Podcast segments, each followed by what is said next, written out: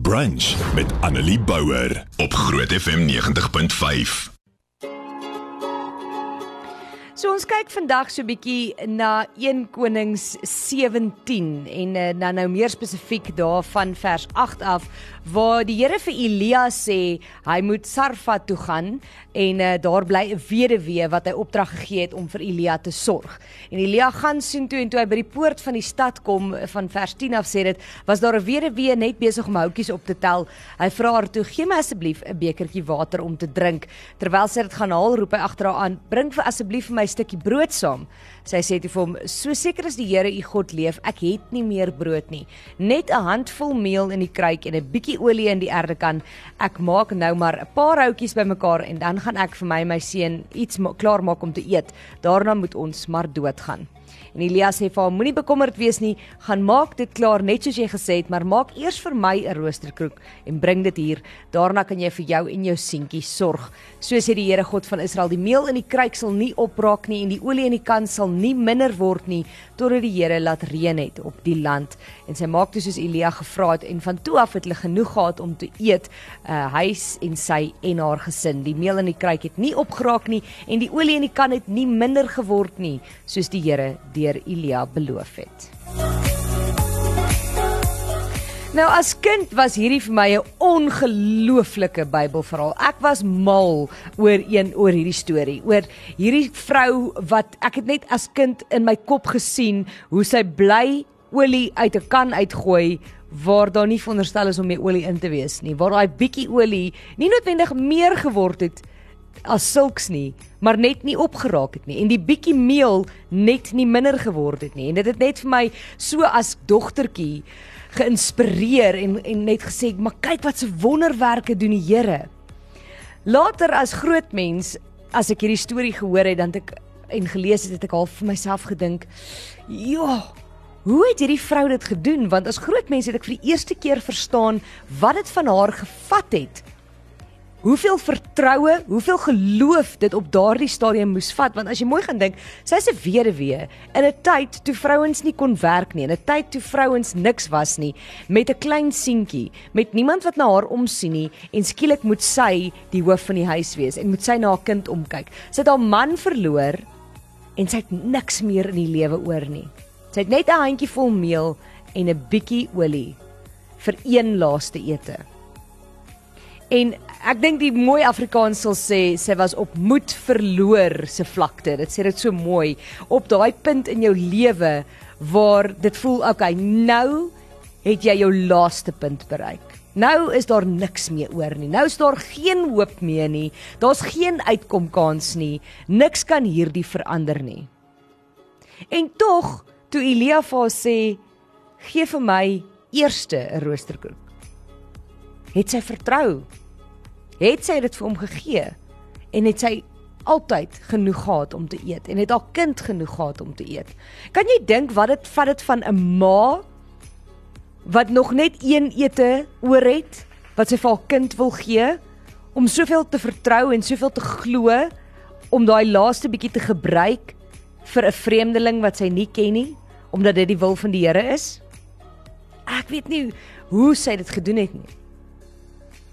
In die geskiedenis as 'n mens bietjie gaan kyk en ek het so baie goed op die internet gekry en op die ouende besluit ek kan nie een uitlig nie. Daar is nie net een wat, ding wat vir my uitstaan nie. So ek gaan sommer in die algemeen praat, maar as jy bietjie op die internet gaan kyk na stories van mense wat niks het nie en hulle laaste bietjie vir iemand anders gee.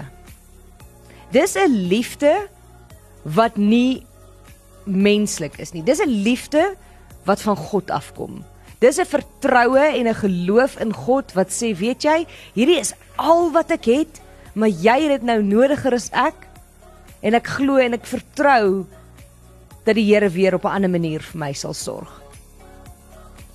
En dan kyk ek na myself en hoeveel keer ek voel in die laaste 2 jaar ek voel ek kom nie altyd uit met alles nie en dit dit, dit voel asof baie dinge net te veel raak. En dit is nie net noodwendig finansiëel wat ek nou van praat nie. Vir vir jou is dit dalk net om tyd jy te min tyd. Jy jy kan nie nog tyd aan iemand anders ook afstaan nie. Of dalk is dit iets heeltemal anders. Wat ook al hierdie laaste moed verloor vlaktepunt vir jou is.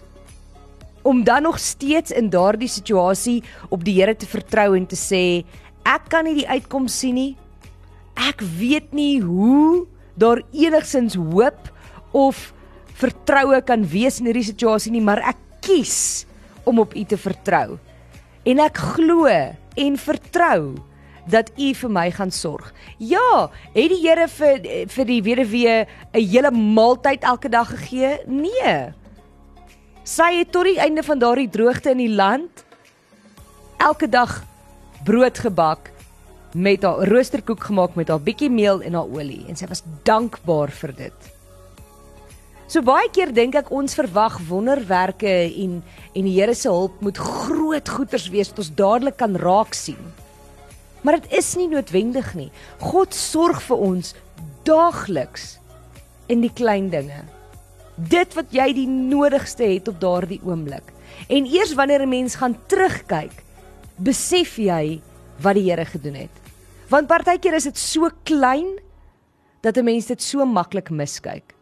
Gaan kyk bietjie terug oor jou lewe. Kyk na daai moeilikste tye of dit is omdat jy iemand aan die dood afgestaan het of dit finansiëel was of dit werkgewys was of dit 'n uh, eh, persoonlike verhoudings was of dit was omdat jy dalk werkloos was, wat ook al daai was, gaan kyk terug en kyk waar jy nou is. En dan gaan jy raak sien hoe die Here jou gedra het in daardie tyd. Hoe hy vir jou uitkomkans gegee het toe jy gedink het daar is geen uitkomkans nie hoe die Here jou nie net getroos het en versorg het nie, maar hoe hy jou aan die lewe gehou het en gebring het met hoop weer tot waar jy nou is.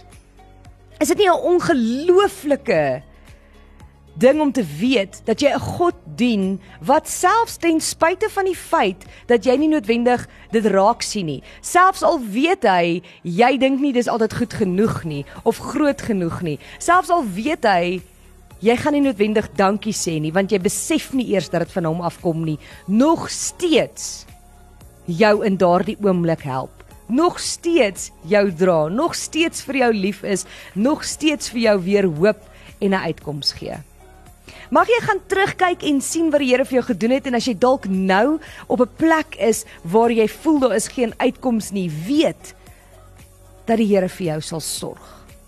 Dat die Here jou gaan dra en dat daar geen einde aan sy liefde is nie. Annelie Bouwer, weekoggend tussen 9 en 12 op Groot FM 90.5.